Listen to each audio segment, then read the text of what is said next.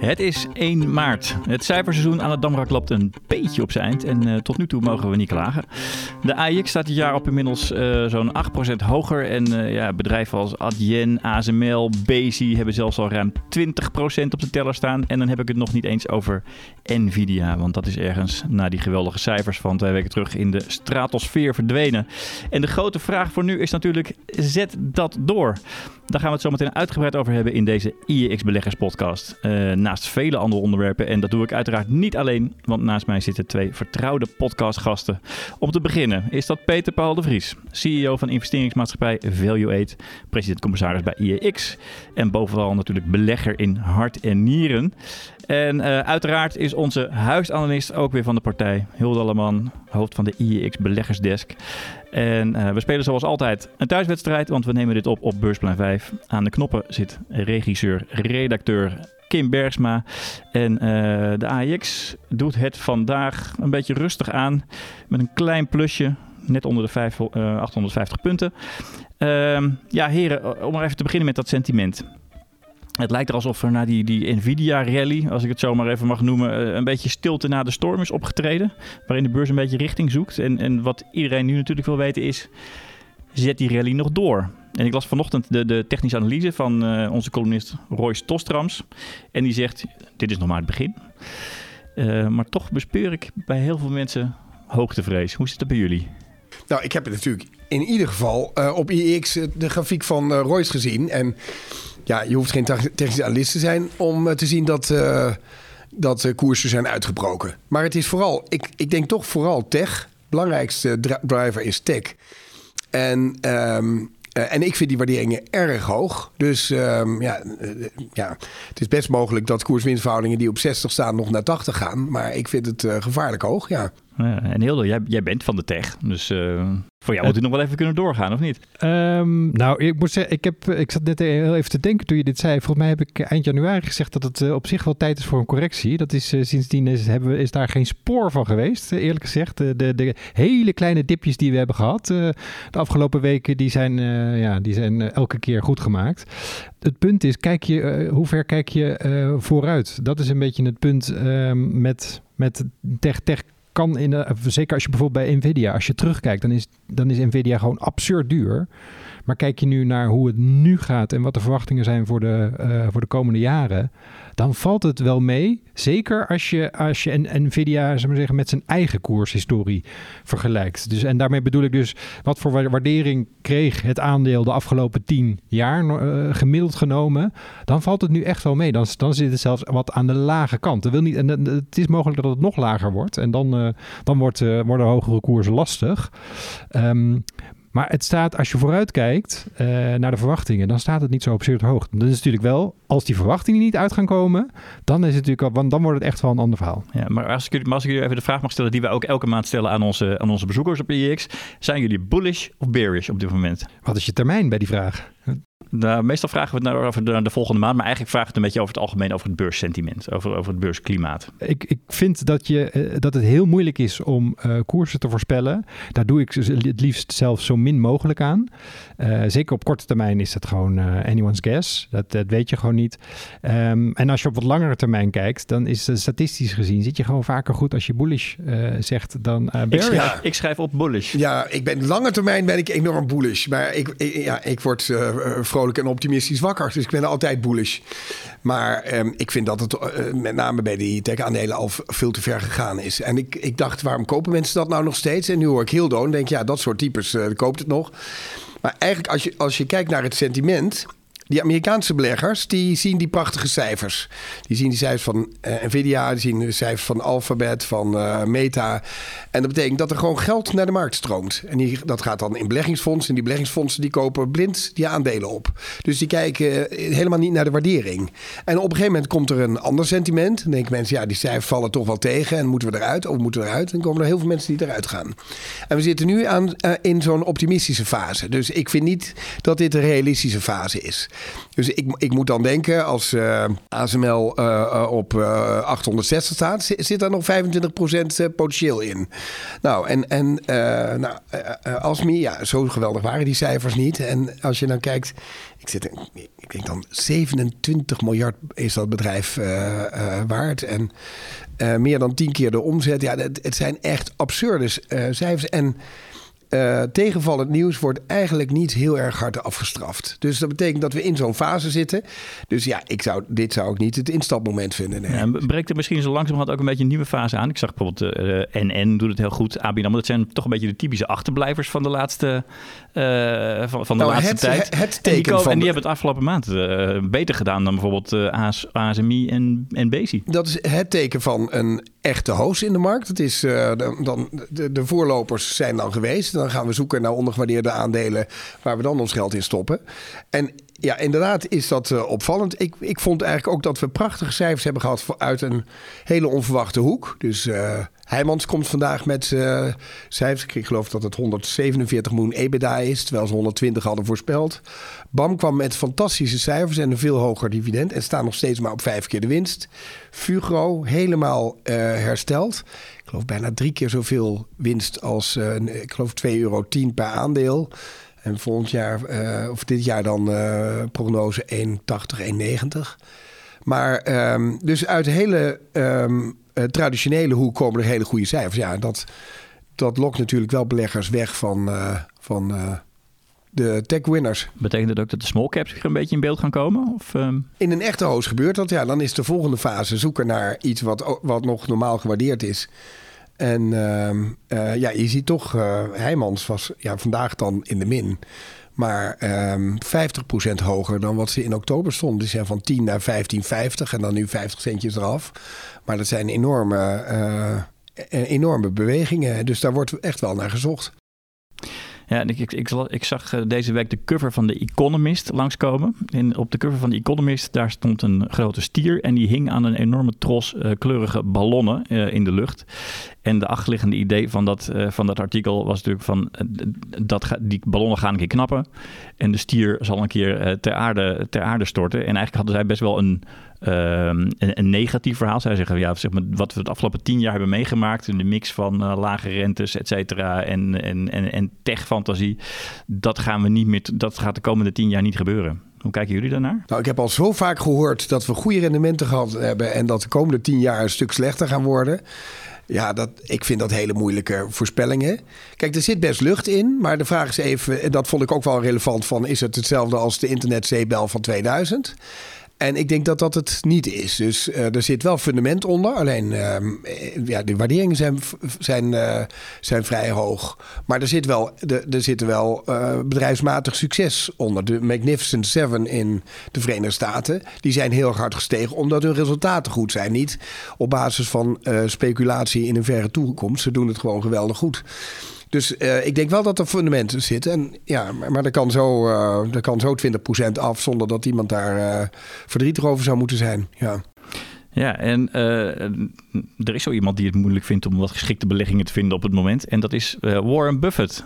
Zo lazen wij uh, in, zijn, in zijn shareholders letter afgelopen weekend, volgens mij kwam dat uit. Ja. Jij bent natuurlijk een echte Buffett-watcher, volgens zeker, mij. Ja, en een Buffett-fan, mag ik bijna wel zeggen. Dus ook, ook mag je dat zeggen, ja. ja ik, heb een, ik heb nog een cola-blikje dat het orakel van oma heeft aangeraakt. En en ik heb een um, gesigneerd boek van Charlie Munger. Dus um, ik ben echt een fan. Ik zat er ook echt op te wachten. En ik vond het wel een fantastische brief. Ja, ik was er heel blij mee. Want vorig jaar was het een beetje karig. Ik was op een gegeven moment door die brief heen. Ik denk, ja, wat is dat ding kort? Ging ik vergelijken. En waren het nog maar 4400 woorden en een stuk korter. Maar nu is die uh, naar 6900 woorden gegaan. Dat is plus 50 procent. Hij had er echt zin in om ook sneren uit te delen. En ook om te zeggen wat hij allemaal belangrijk vond. En, en een mooi eerbetoon aan uh, zijn, Zeker, nou, zijn overleden partner. Ja. Mijn god, het was een... Uh, een, een, ontzettend klein persberichtje toen Charlie Munger overleed. Ja, dat vond ik wel, dat vond ik wel weinig. Nu staat er een. Uh, nu, nu krijgt hij de titel architect van Berkshire Hathaway. En dat ja. vind ik wel een hele terechte, hele terechte titel. Maar wat, wat ik wel heel vermakelijk vond, was dat hij ehm, heel kritisch was op corporate America. Dus hij, normaal gesproken zegt uh, Buffett, don't bet against America. En ik 90% plus van zijn, zijn beleggingen zitten en investeringen zitten in Amerika. En dan vergelijkt hij de rijkdom van iemand die uh, van 100 jaar geleden met iemand van nu in Amerika. En dat je dan never bet against America. En nu zegt hij. Uh, er gebeuren allemaal rare dingen. Dus er zijn heel veel slechte managers. Hij zegt ook, wij, hebben onze fair share gehad. Dus normaal gesproken is hij altijd lovend over zijn eigen manager. Maar nu zegt hij, ik heb, heel veel, ik heb ook heel veel slechte mensen gehad. Ze stellen belachelijke salaris- en beloningseisen in Amerika. Dat vindt hij heel vervelend. Hij vindt inkopen van eigen aandelen op veel te hoge niveaus vindt hij, uh, dom. Hij mag de, als je 93 bent en heel rijk, dan mag je alles zeggen en dan word je niet bekritiseerd. Dus dat vind ik. En, en ik vond het ook heel leuk omdat hij dan zei: ja, en dan ga ik naar Japan toe. En dan krijg ik normale waarderingen en managers die een normale beloning willen hebben. En ik ben daar helemaal fan van. Dus het is eigenlijk, eigenlijk een. Dat is het enige wat hij doet in het buitenland, volgens mij, hè? Japan. Ja, Europa het, kijkt hij niet eens naar. Nou, nee. dat is, Europa is ook moeilijk. En ik denk dat hij, dat hij gelijk heeft dat Europa gewoon structureel minder hard groeit. Omdat wij ons uh, met al onze talen en onze regels elkaar een beetje gek maken. Um, dus daar, daar kiest hij niet voor. Ik vind Japan ook wel een, een, een, bijzondere keuze. Maar toen dacht ik, die man is 93 en hij heeft een soort nieuwe liefde. Dat vind ik eigenlijk wel leuk. Dat je op je 93ste verliefd kan worden op Japan. En zo gaat hij daar naartoe en dan praat hij met mensen. En denkt hij, die begrijp ik. Die mensen denken op 10 of 20 of 30 jaar termijn. En, en niet zoals die Amerikanen over, op een kwartaal. En is hij, hij wordt daar helemaal blij van. Gaat hij met Greg Abel gaat hij daar naartoe, zijn opvolger. Ja, dat vind ik wel uh, fantastisch. Dus hij zit daar in vijf handelshuizen. En uh, die uh, doen het, ik geloof dat ze 80% waardestijging al hebben gehad.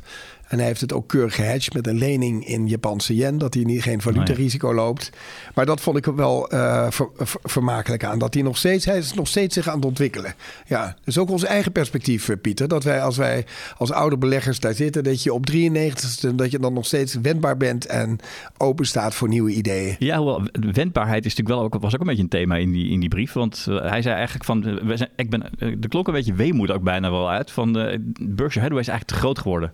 Ik kan niet meer zoveel. Ik kan, uh, hij, had het over moving the needle. En er zijn nog maar een paar bedrijven uh, waar hij iets mee kan. Wat zeg maar voor Berkshire Hathaway serieus nou, ja, gevolg voor het rendement kan, kan hebben. Omdat hij gewoon zo groot is. Ja, dus hij zegt ook: ik, mijn prestatie zal altijd in de buurt van een marktgemiddelde liggen. Dat kan haast niet anders. En dat klopt ook wel. Want hij heeft, dat Coca-Cola doet het eigenlijk over, als je over vijf of tien jaar kijkt, helemaal niet zo goed. Als je kijkt naar de bedrijfsresultaten. Hij zit uh, daar, blijft zwaar, hij, daar blijft hij fan van. Hè? Zwaar in het bankwezen. Het is toch wel geinig als je daar naartoe gaat naar die jaarvergaderingen in Omaha, Nebraska. 30, 40.000 mensen in een zaal. En dan zit hij daar met het cola blikje om gewoon reclame te maken. En dan zit hij ook nog in een filmpje daarbij. En dan, ja, hij is, hij is fan en hij doet dat natuurlijk geweldig als ambassadeur. Maar als belegging, als je gewoon die, die grote beleggingen kijkt per stuk, hebben ze niet zo geweldig gedaan. Alleen Apple is natuurlijk een schot in de roos. Daar heeft hij toch wel een hele hoop mee goed gemaakt. Want de, de rest presteert niet zo, uh, Mark. Maar dat probleem dat hij te groot is om uh, met uh, ja, onderwaarderingen van 50 of 70 procent. Ja, die vind je bij small caps misschien als je heel goed je studie doet. Maar dat, bij de, de big caps is dat niet mogelijk. Daar zit Wall Street, uh, daar zitten Wall Street analisten op. En dat is gewoon heel, heel moeilijk. Ja. Maar en ik vind het wel knap dat hij, zich over, dat hij overeind blijft. Want hij zit niet in Nvidia en niet in Alphabet. En nee, en, en haal, haal jij hier zelf dan nog als belegger tips uit als je zoiets leest? Dat je denkt van dit, dat ziet hij goed. hier haal ik inspiratie uit. Uh, nou, kijk, als je daar naartoe gaat, naar Omaha, dan is dat een soort uh, opfriscursus. Om uh, scherp te blijven op, op de keuzes die je maakt. En dat vind ik er zeker uit blijken. En eigenlijk zegt hij zegt ook wel gewoon: je moet, je moet focussen op, op goed rendement. En, die, en het herhalen tegen jezelf: ik wil gewoon in hele goede bedrijven zitten. En niet in redelijke bedrijven tegen een lage prijs. Dat moet je, dat moet je tegen jezelf blijven zeggen. Want zo nu en dan zie je iets voorbij komen voor drie of vier keer de winst. Of het nou Air France heet of, een, uh, of een, uh, de slechtste automaker. Die zien er zo goedkoop uit. En dan heb, krijg je de neiging om daar je geld in te stoppen. En, dan, uh, en toch als je dan s'avonds kijkt als de beurs dicht is... Dan, dan zit dat niet lekker in je portefeuille. Dus je, dat pennywise pound foolish, dat moet je... dat moet je elke keer aan jezelf blijven leren. En over, over goede bedrijven gesproken. Uh, heel wel. Deze week kwam uh, een, een van jouw fondsen die jij goed volgt over de brug met cijfers. Eigenlijk de laatste van de, van de, drie, van de drie chippers in, in Amsterdam, ASMI. Jij noemde dat in jouw analyse een lauw-warm uh, wat ASMI voorschotelde. Als je kijkt naar hoe het de laatste kwartalen gaat en ook hoe het, uh, zoals ze zelf zeggen, de, de komende kwartalen, dus Q1, Q, uh, Q2 van 2024 gaat. Um, dan gaat het niet echt fantastisch, maar het gaat ook niet slecht. En uh, het orderboek, uh, dat, uh, dat, dat ontwikkelt zich nog steeds goed. We hebben meer orders binnengehaald dan omzet. Nou, dat is in principe wat je het liefste wil zien. Um, het is een beetje, eigenlijk heeft ASML een beetje hetzelfde. Het, is een soort, zoals in de, in de, hebt dat bij vliegtuigen, die hebben dan een holding pattern, dat ze even moeten wachten voordat ze aan de beurt komen om, om bij een vliegveld binnen te komen. Um, is het hier, zij moeten even wachten tot de volgende grote... Uh, eigenlijk ligt die cyclus nu een beetje stil. En, nou ja, en... stil. Het ligt natuurlijk niet stil, maar... Um, zoals ze het zeggen, de komende kwartalen is het min of meer zoals het uh, de afgelopen kwartalen gaat. Dus het niet, ja, weinig, eigenlijk geen groei. En, Waar zit uh, dat in? Hè? Want, want iedereen is nu helemaal wild over, over tech en over chips. En over, maar op de een of andere manier is die markt daar... daar nou, het, het, vergis de niet, groei zit pas, zit de pas groei, Als je bij ASMI kijkt, die groei is best wel hard gegaan. Dus uh, de, de, de huidige niveaus liggen echt niet... Als je het vergelijkt met drie, vier jaar geleden... dan is de huidige omzet is gewoon echt behoorlijk hoog. Alleen met de, de piek kwartalen, als je het daarmee vergelijkt. Uh, want nu, nu, de, nu zit de omzet zo tussen de 600, 640 miljoen. Um, en de piekkwartalen zaten ze uh, zat het ruim, ruim boven de 700, uh, 800. Dat waren de, de, de, de goede kwartalen. Dus het is allemaal relatief. Um, en je hebt, je hebt eigenlijk denk ik twee dingen. Je hebt de cyclus, dus de, hoe gaat het met, gewoon met de chipverkoop. Um, en als dat minder gaat, dan hebben bedrijven ook minder machines nodig. Zo simpel is het. Maar tegelijkertijd heb je de investeringen voor de lange termijn in nieuwe machines, nieuwe technologie. En dat is, dat, dat is iets wat veel meer voor de lange termijn is. Dus die twee, dat zijn allebei dan een soort golven. Die, die investeringsgolven, die zijn ook niet altijd gelijk. Um, en nu is, is de chipcyclus, die ligt er niet zo uh, sterk bij. Maar de, de investeringen voor de lange termijn, dat gaat nog wel door. En als die, als die twee samenkomen, als dat samen omhoog gaat, dan gaat het heel hard. En de verwachting is dat dat uh, 25 en 26 gaat worden. Als je gewoon hun verwachtingen ziet, dan kan die omzet die kan, uh, in een jaar of drie, vier gaan verdubbelen. Ja. Ruimschoots. En als je nu even terugkijkt, want je, ze zijn nu alle drie langsgekomen, ASML, ASMI en, en Bezi. Waar heb jij het meest waar ben je het meest blij van geworden? Nou, ik moet zeggen, um, alle drie hebben eigenlijk een beetje hetzelfde verhaal uh, op kortere termijn. Dus, dus laten we zeggen, dit jaar um, is het relatief minder. Maar uh, de, voor de langere termijn, dus volgend jaar en verder, ziet het heel goed uit. Dus, dus wat dat betreft zit er niet zo, niet kiest, zo gek veel verschil geen favoriet. Nee, het zijn gewoon alle drie. alle drie, kijk, alle drie ja. hebben ze een hele sterke financiële positie. Ze hebben een hele sterke, uh, tenminste Bezi was altijd qua marktpositie wat minder sterk dan, uh, dan ASML. ASML heeft natuurlijk het langste al een hele sterke marktpositie. ASMI heeft dat inmiddels gekregen. En uh, Bezi met hybrid bonding lijkt dat ook te gaan krijgen. Dus de verschillen worden ergens steeds kleiner. Ja, mag ik ook nog kiezen, Pieter? Ja, heb jij een favoriet? Ja, ja ik heb wel een favoriet, ja. ASML. Ja, ik heb dus die cijfers bekeken, maar ik vond ze helemaal niet zo mooi. 14% minder orders, 7% minder omzet, uh, 30% minder winst. Normaal gesproken wordt zoiets afges afgestraft. En dan zegt Hildo terecht, ja, het wordt betaald voor de toekomst. Mm -hmm. Maar... Uh, het kan best zo zijn dat het uh, buy on the rumor, sell on the news is. Dus als die resultaten straks komen, dat we verbaasd zijn dat er hele mooie resultaten komen. En dat de markt dan niet positief reageert, omdat het dan al in die, in die koersen zit. Maar ja, ik zie dan dat dividend 2,75 per, per aandeel. Dat is een half procent. Daar moeten we niet van hebben. Nee, voor, voor dividend, maar dat is en al heel lang 52, 52 keer de winst 2024. Ja, ik vind dat er veel verwachting in zit. En ja, dat, als het een beetje tegen zit, loopt dat er snel uit. Dus... Uh, ja, het is zoals vaker in deze podcast gezegd. Uh, de, inderdaad, er zit, er zit heel veel verwachtingswaarde in. Maar durf je het niet te hebben, is een beetje de vraag nu. Durf je nou ja, ik, ik, denk dus dat dat uh, veel door het lemmingengedrag van beleggers komt. Die in beleggingsfondsen zitten en daar extra geld in stoppen en de beleggingsfonds koopt bij. Dus dat dat, dat, dat een, niet overwogen keuzes zijn op waardering. Ja, en we hebben nog zo'n trio op, uh, in de AEX zitten. Een trio uh, verzekeraars. En die kwamen deze week ook alle drie met, met cijfers door. NN, ASR en, um, en, en Egon.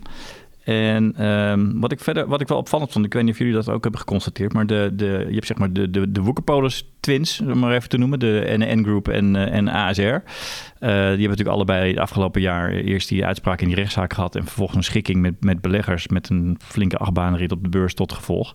Uh, maar deze week liepen ze ineens helemaal uit elkaar. Want NN werd eigenlijk met gejuich ontvangen en, en ASR die ging na die cijfers een beetje het verdomhoekje in. Was daar echt iets verschillends uh, aan de hand? Of, uh... nou, ik, ik, het idee, voor mij is het zo dat uh, de verwachtingen bij NN gewoon wat lager lagen. En dat het aandeel gewoon een stuk lager was gewaardeerd. Als je, als je kijkt dat, dat bij ASR, als ik het gewoon simpel in KW mag uitdrukken, lag de KW zo rond 7, 8, zoiets. En voor NN stond dat op iets van 6.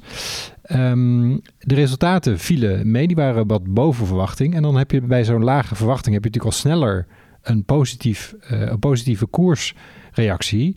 Um, ze hebben het dividend wat verhoogd. Ze hebben het uh, inkoopprogramma voor eigen aandelen hebben ze verhoogd met iets van 20%. Um, dus dat was allemaal goed nieuws. Dus dan gaan beleggers zich misschien afvragen... waarom, waarom is eigenlijk een korting voor NN?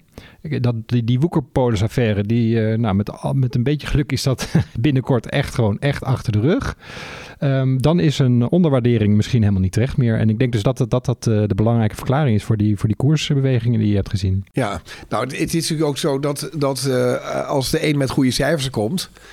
Dus uh, Nationaal Nederlanden um, komt met een hoog dividend, koopt extra aandelen in. Ja, dan zijn er beleggers die in de verzekeringssector zitten en die hun geld verschuiven van de ene verzekeraar naar de andere. Dan wordt er wat verkocht. Dus ik denk dat je dat ziet. Maar ik, ik begrijp het enthousiasme, met name op dividendrendement. Het andere, het andere is dat ik niet zie dat deze sector groeit. Dus dat, we, dat je hier op lange termijn uh, steeds meer omzet en dus ook een grotere winstbasis uh, maakt. En het, wat me opvalt is dat ze um, op, op cashflow, op kapitaal, hoe, hoe noemen ze dat? Kapitaalgeneratie. Kap, kapitaalgeneratie. Dat is, ja, ja um, nou, ik ben zelf ook van de kapitaalgeneratie, maar um, uh, ze proberen de focus daar enorm op te leggen. Ja. Zelf een, een, een, KPI, een Key Performance Indicator, uh, melden en dan daarop sturen. En ja, ik zie de lange termijn waardecreatie niet. En ik, ik vind dat best wel gevaarlijk. En dat betekent dat andere dingen, bijvoorbeeld de verliezen die ze leiden op hun, uh, hun obligatiebeleggingen, dat wordt allemaal weggepoetst. En, en kijk gewoon naar het eigen vermogen. Dat is, al, dat is volgens mij afgelopen jaar gewoon helemaal flat bij Nationaal Nederlanden. Dus dat vind ik wel. Uh, moeilijk. Enige pre wat ik vind bij uh, Nationaal Nederland is die topman, die uh, David Knibbe. Uh, daar, daar, geloof ik wel in. Ik moest nog kiezen. Ik, wat, ik, wat ik bij Egon heel aardig vind, is dat ze 15% van de aandelen inkopen. Dus ze zijn het dividend aan het verhogen. Maar 15% van de aandelen is, heel, is daar heel veel van de free float. Dus er is een automatische koper die elke dag de koers een stukje hoger zet. Kan ik hier ook om een favoriet vragen? Of, uh... ja, ik zeg dan Egon. Egon. Dan weet ik een koper. Um, ik ben van nature niet echt een verzekeraar-belegger. Dus nee, ik, ja. ik, nou, dat is op zich een goede keuze.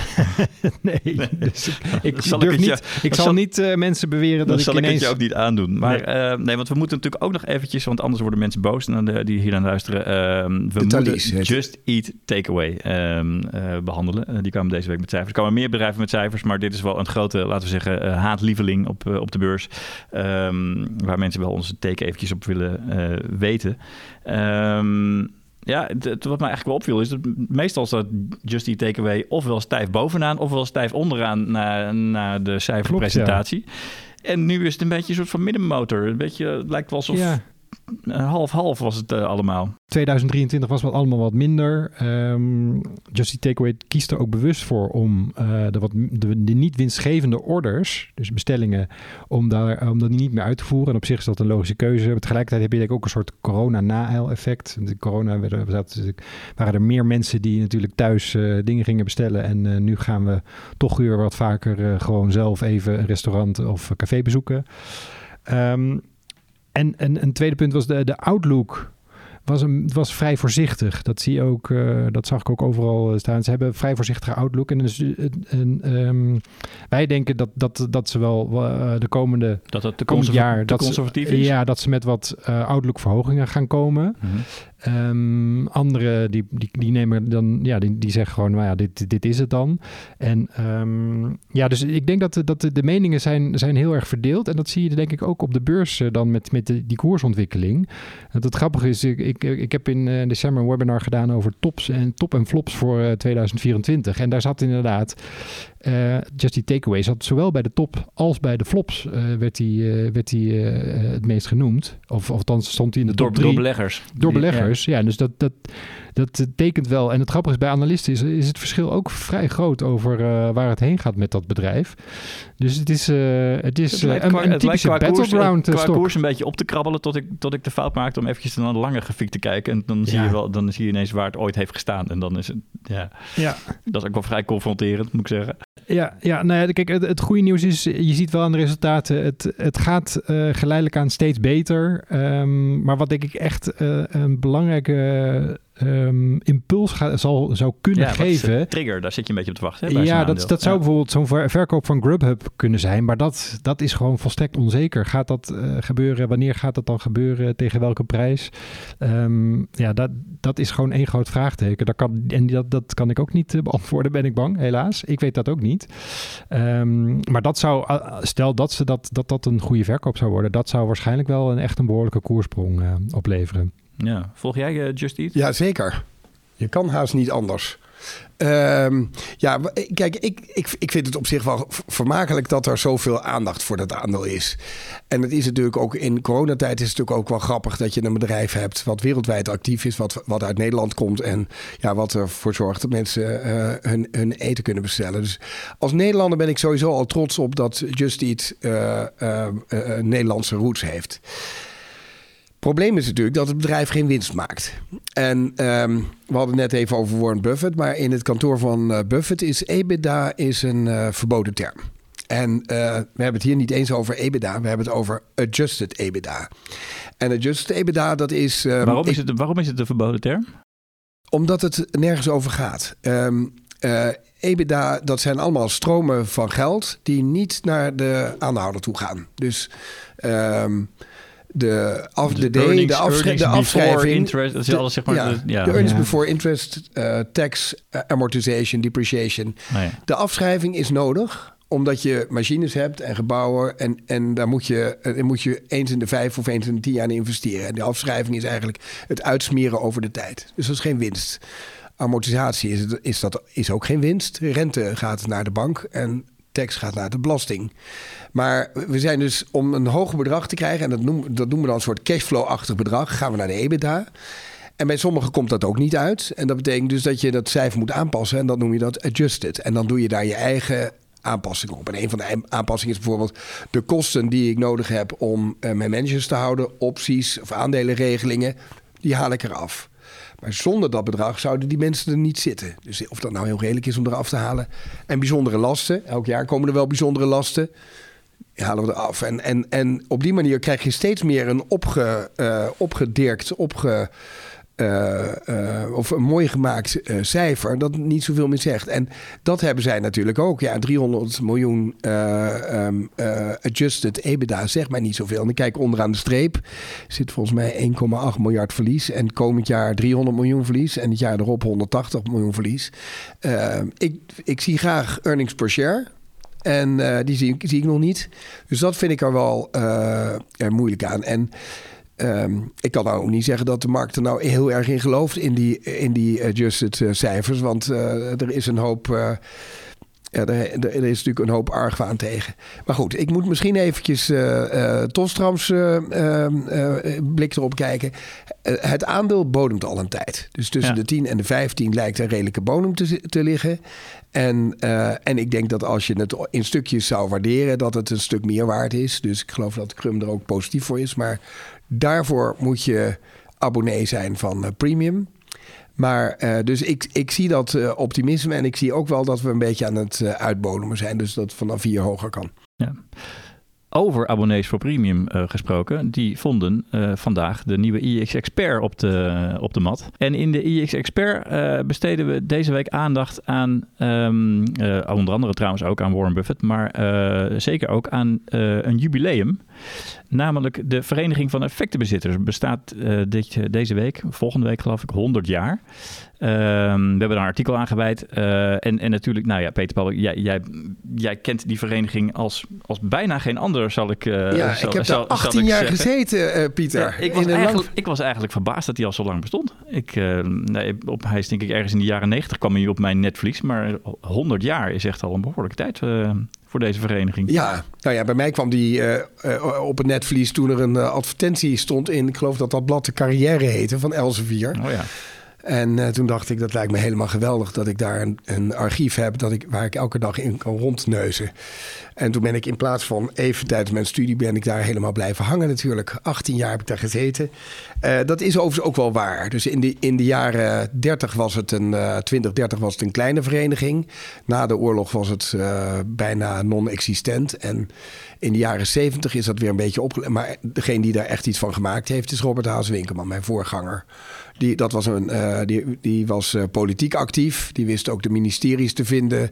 En, en die heeft, die, die, heeft die, die club weer opgebouwd. En ook gezorgd dat het in de pers kwam. En ook een procedure gestart tegen Philips. De eerste procedure die de VEB in tijden startte. Dus dat. Ehm, maar ik heb daar hele goede herinneringen aan natuurlijk. Aan deze, aan, aan deze club. Met prachtige procedures tegen World Online en Nina Brink. Uh, die de boel had. Uh, nou ja, dat kennen we natuurlijk denk ik nog vooral uit die, uit ja. die, tijd, uit die tijd, denk ik inderdaad. Want wat, wat, wat, vond jij, wat vond jij zeg maar de, de, de mooiste zaak om te doen? Ja, de mooiste zaak, ja, dat de, de Amerikaanse feestdag 4 juli is voor mij ook altijd een feestdag. Dat is de 4th of July. Um, dat, uh, dat is de dag dat de uitspraak van Hollandse Betongroep kwam. En daar, daar heeft de ondernemerskamer gezegd... Uh, je mag niet belangrijke onderdelen van je bedrijf verkopen zonder toestemming van de aandeelhouders. En dat was een hele principiële uitspraak over aandeelhoudersrechten. Ja. En dat was echt voor mij ook een kantelpunt. Tot dat moment was ik gewend om alle procedures te verliezen. En dan vervolgens met dat verlies naar het ministerie van Financiën te gaan en te zeggen: ja, luister, we moeten regels verbeteren. Dus dat was er één.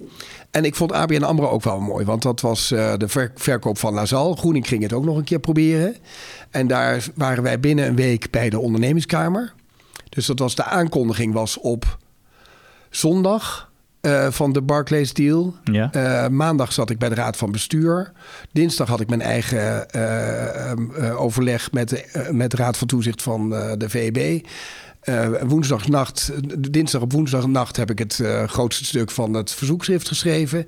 Dat is woensdag ingediend. Donderdag was de aandeelhoudersvergadering. En zaterdagochtend zaten wij bij de ondernemingskamer. En toen heeft ook de ondernemingskamer gezegd: je kan dat niet doen. Je kan dit soort dingen niet doen zonder je uh, toestemming van je aandeelhouders. Dus ja, dat, dat had zoveel dynamiek. En ik was eigenlijk al on the way out. Want ik had al aangekondigd dat ik weg zou gaan in 2007. Maar, maar zoveel dynamiek in zo'n in, in, in zo'n zaak. En, en ook wel heel belangrijk voor aandeelhoudersrechten, ja. Was jij ook bij de, de World Online uh, uh, betrokken of niet? Of, bij World Online betrokken? Nou, betrokken, daar... laten we zeggen, in, in actie gekomen? Uh, voor, zeker, zeker. Ja. ja. we hebben toen een procedure opgezet en toen 10, 11.000 mensen bij elkaar verzameld. Het enige wat we daar... Ja, en die procedure gewoon gewonnen. Dat is, ja... Je beledigt me, Pieter. Dat je gewoon, ik, heb, ik heb daar mijn ziel en zaligheid ingestoken. Dat pros prospectus, dat klopte van geen kanten. Ik denk dat er nog mensen zijn die weten dat het ging over de aandelen die Nina Brink had verkocht. En dat, dat, dat er in stond transferred en dat ze vond dat het niet relevant was. Maar dat hele, dat hele prospectus was echt gewoon, was gewoon van waardeloze kwaliteit. En uh, er stond zelfs een bedrijf in, Telitel. Dat werd gewoon meegeteld, meegeconsolideerd. Dat hadden ze nog niet gekocht. Zo een beetje dat niveau was het. En dan moet je lang procederen. En ja, dus de schikking is van ver na mijn tijd. Maar die ja, procedure is van 2000, 2001. Ja. Dus uh, je hebt wel een lange adem nodig. Dus in die zin is het, uh, is het goed dat er een club is die die lange adem heeft, ja. Ja, want we, we kennen jou natuurlijk een beetje uit die tijd als, als zeg maar iemand op de barricades voor, voor beleggers. Mis je dat een beetje? Uh, nee, want ik heb, ik heb dat toen nog gedaan met uh, Euroshell, dus de Europese groep. Heb ik nog in de vergadering van Fortis gestaan in, in België. Uh, 6000 man.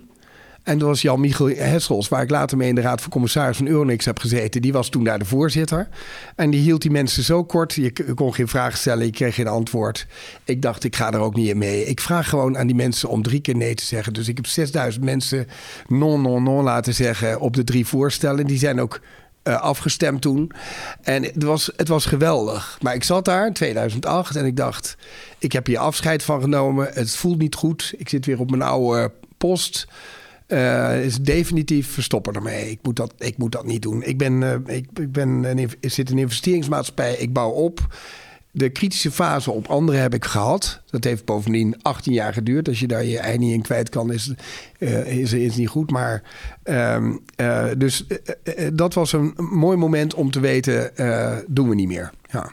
Ja, wat we de laatste jaren zijn er niet meer heel veel van die echt geruchtmakende zaken geweest, die een beetje in jouw tijd uh, zich, zich afspelen. Ja. Betekent dat dat uh, uh, bedrijven gewoon netter zijn geworden en zich nou, zijn, zijn ook gaan, gaan gedragen? Het zijn er ook een stuk minder.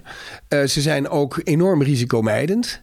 Uh, en uh, dat betekent dat voor elke zaak die ze doen, dat er tien adviesrapportjes liggen. Dat als ik ooit bij de rechter kom, dat ze zich kunnen verdedigen. Ja. Maar er zijn ook veel minder bedrijven in Nederland in die zin. Want mm -hmm. uh, zijn er toch een aantal naar het buitenland uh, toegegaan. Ja, en ik denk ook dat de VB een beetje zijn focus heeft, heeft verlegd. Want we hebben natuurlijk. Na me hebben we een journalist gehad, Jan Maarten Slachter, en twee mensen van de AFM die op de accountancy zitten. Dus dat is ook een, uh, uh, ja, toch ook een beetje een shift in, uh, in focus. Ja, daar doe je niks aan. Ik was puur zang een belegger. Ik, uh, ik dacht, ja, als beleggers een oor worden aangenaaid, dan moeten we er iets aan doen. En op zich, de, dus als ik de telefoon opnam, een, een journalist belde, zei ik al schandalig. En daarna vroeg ik waar het over ging. Zo zat ik, zo zat ik erin. Ja, dat, dat is een dat is een stijl. Niet iedereen vond het leuk hoor, maar ik heb er wel enorm van genoten, ja. Ja. ja. Nou, alles daarover in de expert uh, van deze week. Um, we gaan naar de luistervragen. Remy die vraagt: uh, Moet je bij de aangifte als beginnende belegger nog ergens op letten? Uh, ja, want het is natuurlijk 1 maart, dus vanaf vandaag uh, mag je weer oh, belasting, belastingaangifte doen. Laten we zeggen, ik ben geen belastingexpert, dus ehm, dat zal ik ook zeker niet. niet ik weet niet of jullie het wel zijn trouwens, maar um, wat ik wel kan zeggen is dat wij komende week op IEX daar een uitgebreid artikel aan gaan wijden. precies over deze vraag: waar je op moet letten als belegger bij de aangifte. Dus ik zou zeggen, eventjes geduld. Til hem over het weekend heen deze vraag en volgende week op IX. Uh, dan heb ik een vraag van Dirk. Waarom zijn koersdoelen van ThyssenKrupp, uh, het Duitse, wat zou ik zeggen, staalbedrijf of... Uh, Industrieel staalbedrijf, ja. ja. Waarom zijn die koersdoelen vaak 100 tot 300 procent hoger dan de huidige koers? Wie, uh, wie weet daar iets over? Ja, ik heb er even naar gekeken. Ik moet zeggen, ik, ik volg de Duitse markt ook. Vind ik, uh, vind ik heel leuk. En um, de, de staalsector en de industriële sector is sowieso heel laag gewaardeerd. En dat betekent dat uh, als je er een normale koers-winstverhouding op zet als analist... en je zegt uh, het kan naar tien keer de winst, dan gaat het al enorm omhoog. Dus ik heb ook even gekeken of het nou klopt. Het staat nu 4,72 en het gemiddelde koersdoel is 8,55. Dus 81% omhoog. En het hoogste koersdoel is van iemand die zegt dat het 16 euro waard is. Ja, die heeft iets gedronken waarschijnlijk. Uh, of gewoon zijn koersdoel niet aangepast. Maar als ik dan kijk, zijn die, zijn die analisten enthousiast? Zijn er acht? Zijn er drie die op kopen staan? Vier die op hold staan? En één die op underperform verkopen staat. Dus echt heel enthousiast eh, is dat niet. Maar je kunt in die sector veel meer bedrijven vinden met een hoog koersdoel. Ja, dat komt omdat die koers-winstverhoudingen zo laag zijn. Nou ja, dus heeft het ook iets met te maken met het feit dat het... Is, is het een defensieaandeel? Nou, daar, daar heb je uh, ook ik, nodige fantasie op. Nou, ik denk dat die fantasie er niet in zit. Want er zit ook staal in en veel, veel industrieel. Ik, ja, ik kijk wel eens op Market Screener. En uh, dan, dan kijk ik gewoon, ja, hoe hard gaat die omzet omhoog? En dan hebben ze 34 miljard omzet in 2021, 41 in 2022 en, en voor 2026 is dat weer 10% lager. Dus dat, je zit helemaal niet in een groeiend bedrijf of in een groeiende markt. Dus je kunt daar inderdaad koopjes vinden op fundamentele basis als je daar normale koers-winstverhoudingen op zet. Maar um, uh, ook de analisten vinden het niet aantrekkelijk, ondanks de hoge koersdoelen. Oké, nou heeft u ook een vraag voor deze podcast, dan kunt u die uiteraard stellen in Spotify. Dat kunt u op ons Instagram-account doen. Dat kunt u in het artikel wat bij deze podcast hoort op ix.nl in de comments daaronder. Ehm, dan gaan wij kijken of wij die volgende week kunnen behandelen. ja, we zijn aan het eind gekomen van deze podcast. Dus dankjewel Hildo, dankjewel Peter Paul. En ik wens u allemaal een, een hele succesvolle beursweek en we spreken u volgende week.